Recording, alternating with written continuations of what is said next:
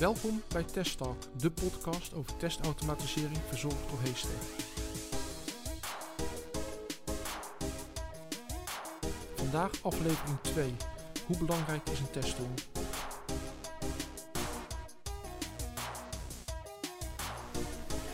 Hallo, ik ben Ivan.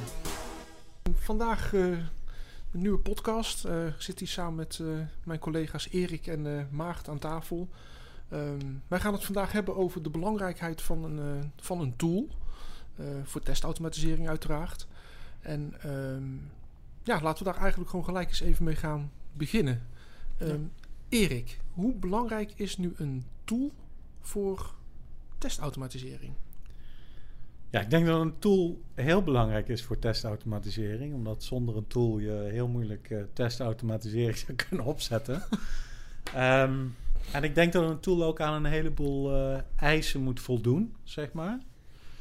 Uh, maar ik denk ook dat je als, als testautomatiseerder moet weten hoe je al die mogelijkheden binnen een tool moet gaan inzetten. Omdat het, ja, het opzetten van een bepaalde testautomatisering moet je toch voldoen aan bepaalde uh, eisen binnen je automatiseringscripts en ook je analyse, je testdata.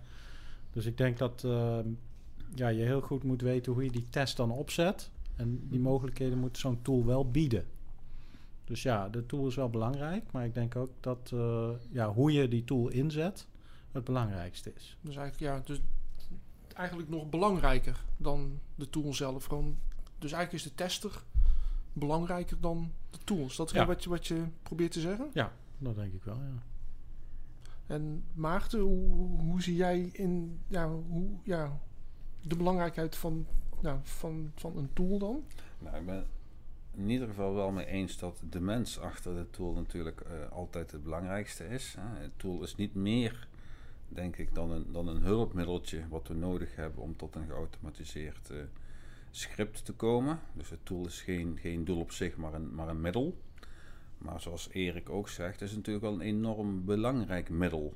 Want stel, je zit in een selectietraject van een tool en je maakt daar uh, verkeerde keuzes in. Bijvoorbeeld, je hebt een tool nodig en je denkt: oké, op termijn gaan we, gaan we SAP aanschaffen en we willen de SAP GUI uh, testen.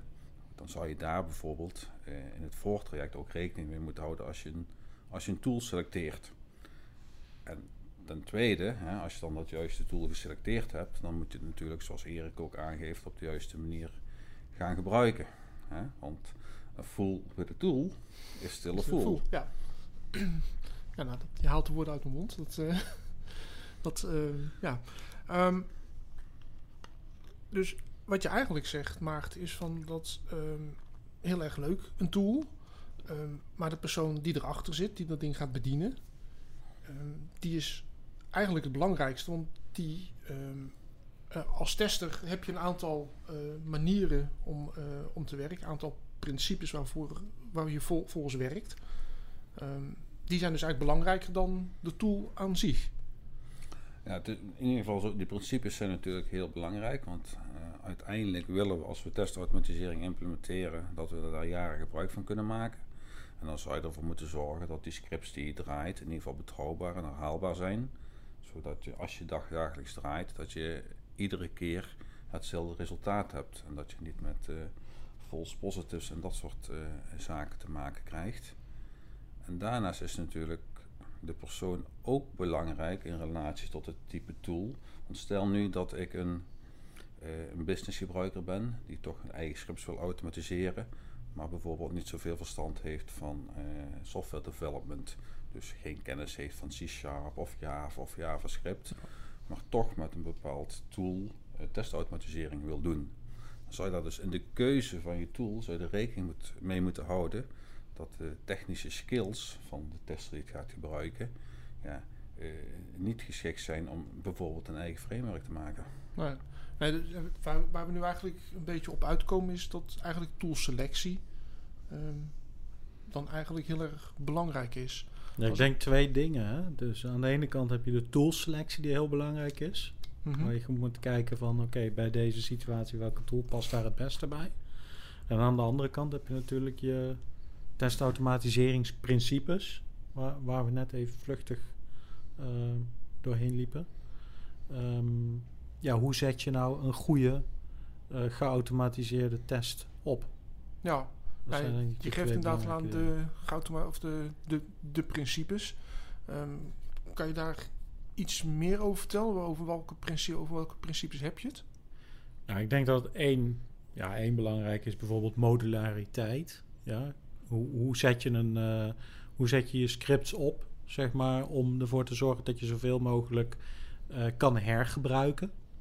Uh, dus dat je niet iedere keer opnieuw een, een script aan het opnemen bent, maar dat je een bepaald stukje uh, opnieuw kan gebruiken continu. Zoals bijvoorbeeld login. Uh, ja. Een login stukje waarmee je continu kan inloggen, maar dan met verschillende gebruikers. Dus dat je de boel ook juist parametriseert, zeg maar. Ik denk dat dat een belangrijke is. Ik weet niet of Maarten ook nog ideeën heeft erover. Ja, ik heb daar wel uh, ideeën over. Natuurlijk is modulariteit is, is enorm belangrijk. Hè? Dat, dat stukjes herbruikbaar zijn. Uh, wat denk ik ook heel belangrijk is, dat je, en dat zeg je min of meer al Erik, met parametriseren, dat je er in ieder geval voor zorgt dat je de logica van die je wilt testen, in ieder geval kan scheiden van een stukje testdata. Hè? Ja. Als je inderdaad die login sequence gaat, uh, gaat testen, dat je dat bijvoorbeeld met vier verschillende uh, testgevalletjes kan doen. Ja. En dat je dat stukje logica met vier setjes en testdata kan aanroepen. Ja, je hebt natuurlijk ook globale parametrisering voor bijvoorbeeld omgevingen als uh, ontwikkel, test, acceptatie, productie of eventueel browser. Ja, ja ik denk dat, dat, dat de omgeving uh, zeg maar een ander soort stukje is dan bijvoorbeeld, uh, ik wil cross-browser testen. Hè? Uiteindelijk, stel je wil cross-browser testen en een organisatie vindt het belangrijk dat je zowel op Chrome als op Firefox en Internet Explorer en Edge uh, mm zeg maar, moet kunnen draaien met de applicatie. Nou ja, dan heb je er al vier. En stel je, wilt ook nog dat je de test kan draaien op zowel een test, ontwikkel- en acceptatieomgeving. Maar goed, dan heb je natuurlijk al, als ik dat vermenigvuldig met elkaar, heb je al twaalf verschillende omgevingen of versies van omgevingen waarop je je test moet kunnen draaien. Ja. Dat zal niet heel erg efficiënt zijn om daar vier of twaalf verschillende scripts voor te maken. Nee, precies. ja. Dus dan kom je eigenlijk weer terug op het modulaire en het uh, parametriseren van, van, je, van, je, van je tests eigenlijk. Ja. En um, ja, zijn dat de enige principes waarvan je zegt van, want, want we hebben het nu eigenlijk over, ja, uh, we zijn er eigenlijk een beetje achter gekomen, nou, een tool is belangrijk. Zonder tool kan je niks automatiseren, klinkt logisch. We hebben het nu eigenlijk over wat voor een tool belangrijk is. Ja, dat draait het eigenlijk dus een klein beetje om. Een tool is belangrijk, maar wat is dan belangrijk voor, voor de tool? Net een aantal principes uh, opgenoemd. Uh, zie jij nog andere zaken waarvan je zegt van nou, die zijn belangrijk waar een tool aan moet voldoen? Nou, ik, ik denk dat zo'n tool ook uh, ja, testdata management goed geïmplementeerd moet hebben. Dus dat je die testdata kan scheiden van de logica van de scripts. Dat is natuurlijk niet alleen aan de tool om dat te doen. Dat is ook aan de gebruiker van de tool om dat te doen. Dus dat is, daar zie je eigenlijk een stukje toolselectie. Hij moet testdata management ondersteunen, maar aan de andere kant moet je dat ook wel op de juiste manier gaan implementeren later. En ik denk dat ook um, de mogelijkheid tot het gebruik van dynamische testdata, om ervoor te zorgen dat je um, niet altijd dezelfde testdata gebruikt voor bepaalde testgevallen, maar wel data wat ja, binnen de acceptabele range voor zo'n geval uh, um, gebruik, kan gebruiken. Om in ieder geval dat pesticide-paradox uh, te voorkomen, ja. zeg maar. Ik denk dat dat ook een belangrijke is. Dus testdata management.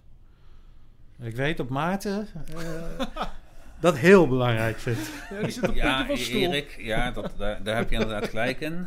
Maar ja. ik vind het niet per se noodzakelijk dat het tool zelf ook verantwoordelijk is voor het stukje testdata management.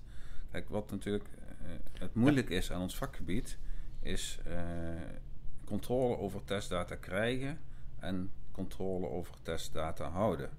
De vraag is of je de verantwoordelijkheid om controle over testdata te behouden bij het tool moet neerleggen. Of ja. dat je tool zo moet inrichten, uh, of je script zo moet inrichten, dat je de controle hebt. Door bijvoorbeeld eh, bij iedere test eerst een precondition te doen. Waarin je kijkt, checkt, oké, heb ik de testdata die ik nodig heb, is die in place? Of moet ik hem aanmaken als een soort van precondition? Ja, proactief zeg maar. Proactief. En vervolgens, als je klaar bent met testen, bijvoorbeeld ik heb een test, ik heb een verzekeringspolis waar een van de deelnemers overlijdt. Goed, dat kan ik maar één keer testen over het algemeen, omdat iemand maar één keer kan overlijden in zijn leven. Uh, dat je in een postconditie ervoor zorgt dat iemand weer uh, reïncarneert. Dat ze de volgende keer weer die test kan uitvoeren. En dat plaatje bij elkaar noemen natuurlijk ook wel dat we testdata neutraal moeten testen. Dat al onze scripts mhm. daardoor heel erg herhaalbaar worden. Nou, het stukje klaarzetten van testdata hoeft wat mij betreft niet per se in het tool zelf te zitten. Maar we moeten de mogelijkheid hebben om misschien een andere tool, integratie met een andere tool te gebruiken, ja. om dat te, te, kunnen realiseren. Ja, mee eens. Ja, ik denk dat het hele testmanagement verhaal ook hetzelfde verhaal is. Hè?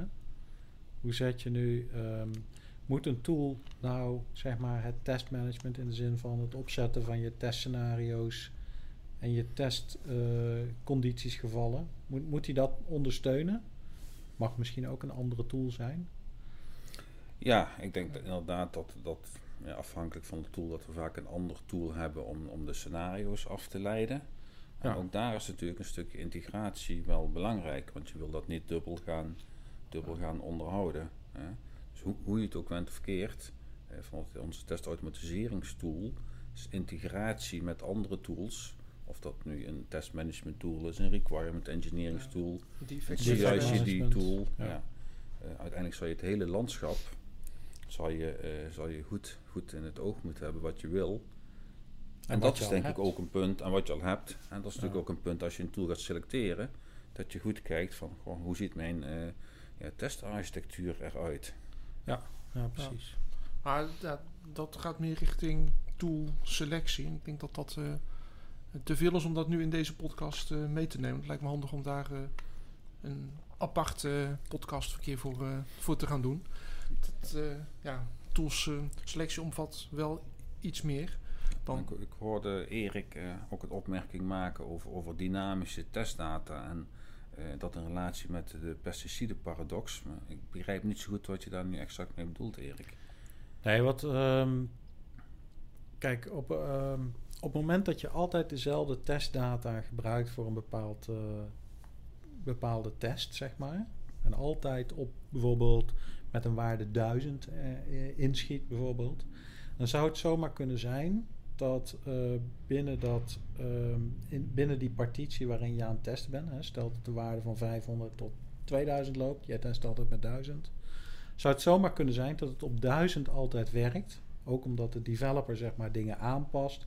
Jij race een bug, het werkt niet op 1000, uh, eh, dan werkt het ineens wel op 1000. Maar misschien werkt het niet op 700. Puur omdat iedere keer wanneer er een bug optreedt met jouw testdata en jij een bug raced, zou het zomaar kunnen zijn dat bijvoorbeeld iets wordt opgelost naar aanleiding van jouw test. En dat kan dus ook betekenen dat daar zeg maar een soort van ja, pesticide-paradox wordt dat genoemd. Dat het echt heel specifiek voor alles wat jij aan het testen bent opgelost wordt. En uiteindelijk buiten die specifieke test niet is opgelost. Dus dat het voor 1000 is opgelost, maar voor 700 bijvoorbeeld niet. En als je nou dynamische testdata gebruikt tussen 500 en wat zei ik, 2000, dan um, varieer je met die data, waardoor je in ieder geval een hele bandbreedte uh, aan testdata gebruikt voor dat specifieke geval. En dus voorkomt dat dit soort dingen worden geïntroduceerd. Um, ja, of uh, ja, in de, op de eerste plaats. Dus, dus, eigenlijk zeg je, dat, dat, dat is dan mijn interpretatie, dat je met uh, het gebruik van dynamische testdata veel meer het, een, een echte businessgebruiker simuleert. Want als je aan een businessgebruiker ja. vraagt van, goh, kan je dit business scenario voor mij eens doortesten? Dan pakt die businessgebruiker ook niet altijd de waarde 500, maar pakt een keer 400 en de andere businessgebruiker pakt 865. Ja. En wat daardoor meer uh, dynamiek ontstaat. Uh, maar dat kan natuurlijk alleen voor dierwaardes die niet relevant zijn voor het verwachte resultaat van je test. Ja, dus je moet eigenlijk kijken naar het verwachte resultaat van de, of nee, naar, naar welke inputs, uh, variatie kan ik toepassen voor dit testgeval, in plaats van welke input moet ik gebruiken voor dit testgeval. Dus dat moet je als uitgangspunt nemen. En op basis daarvan moet je je dynamische testdata ja, definiëren uh, aan de voorkant. Ja, ja ik, ik, vind het een mooi principe. Hè? Ten meer omdat we vaak denken: oké, we hebben nu onze regressietest, een geautomatiseerde regressietest is klaar. Laten we die de komende tien jaar eens gaan draaien, altijd op dezelfde manier. Ja. ja. Want eigenlijk zeggen nee, je moet het niet altijd op dezelfde manier doen, maar we moeten veel meer eigenlijk in de schoenen, ook als testautomatiseerder van een businessgebruiker gaan staan en proberen dat gedrag veel meer te simuleren. Ja, ja. En daar komt ook, uh, ja, daar kun je heel veel dingen mee vinden. Zeker. Ja. Even terug naar die businessgebruiker, wat, wat jij er straks ook aangaf, Maarten. Dat, uh, hè, bij mijn tool is het ook van belang om te kijken wie, uh, wie ermee gaat werken. Uh, je gaf aan als een businessgebruiker geen verstand heeft van, van development, maar wel scripts wil maken, dan, dan, dan, zou je daar met je tool rekening mee moeten houden. De dingen die wij net allemaal hebben bedacht, tenminste of hebben bedacht, hebben besproken over de principes. Een businessgebruiker die kent die principes allemaal niet. Hoe, hoe zie jij dat dan in, hoe dat dan een businessgebruiker met een geautomatiseerde tool gaan werken? Want die gaat dat niet allemaal toepassen. Nou, ik denk dat ze dat wel zouden moeten doen. Het is tweeledig. Hè? Je moet de businessgebruiker moet je, moet je leren hoe dat je met een bepaald tool moet omgaan. Mm Oké, waar dient deze knop voor? Waar dient die knop voor? Het is natuurlijk belangrijk hè, dat je het tool kan, kan bedienen. En daarnaast is het denk ik nog veel belangrijker dat je die principes waar we het nu over hebben, uh, dat je die met die businessgebruikers openspreekt. En dat gewoon in een workshop of in een training van een dag uh, die principes met elkaar doorspreekt. En dan direct ook laat zien hoe je dat met de tool wat gekozen is kan, kan implementeren. Ja. Ja, maar denk je dat die businessgebruikers dan ook echt uh, met het automatiseren bezig zijn? Of denk je dat die businessgebruikers toch meer aan de voorkant zitten? Dus met het bedenken van de scenario's die moeten worden uh, getest. Ja, en minder met het maken van de scripts. Het zijn wat mij betreft twee smaken. Uh, kijk, testautomatisering is in principe natuurlijk wel echt, echt een vak. Ja, precies. en dat moeten we ons eigen altijd realiseren.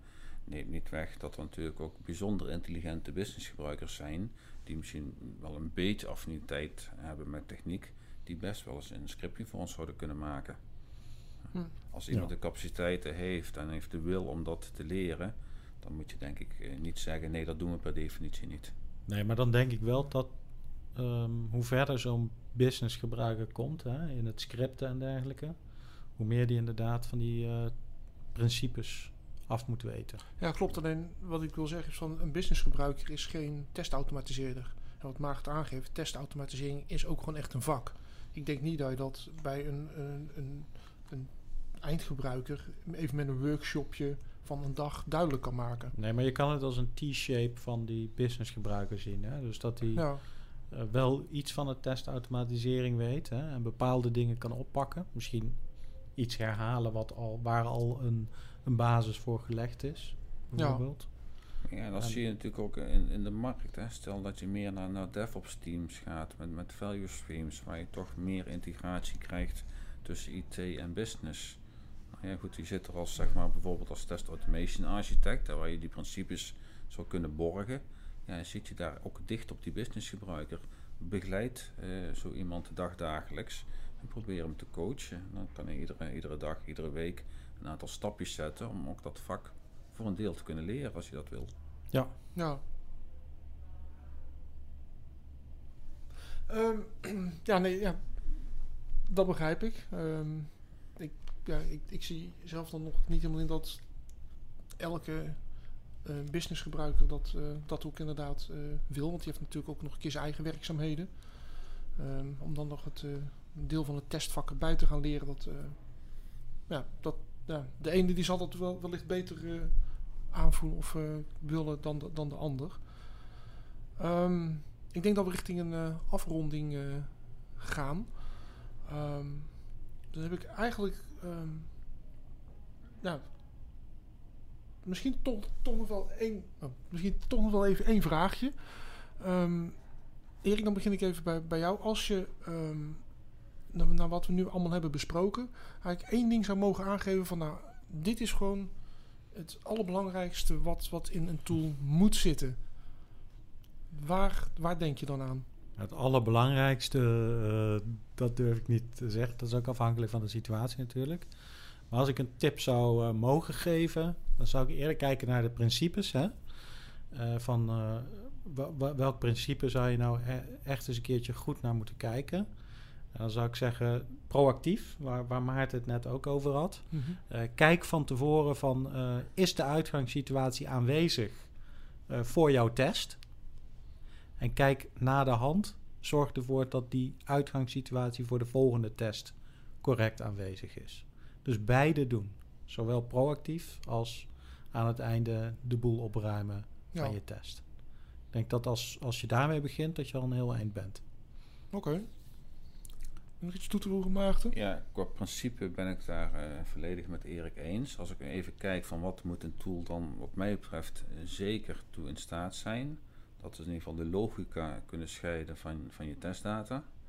En eh, een modulaire opzet maken. Hè? Dus als ik twee testscripts heb en ik eh, log in, dat ik niet twee keer eh, login hoef te maken, maar één keer en dat dat, dat aanroep.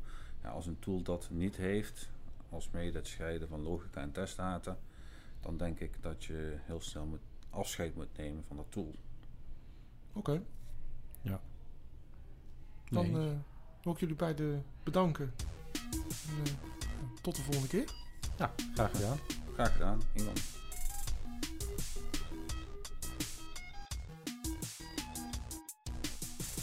Bedankt voor het luisteren naar Test Talk, de podcast over testautomatisering verzorgd door.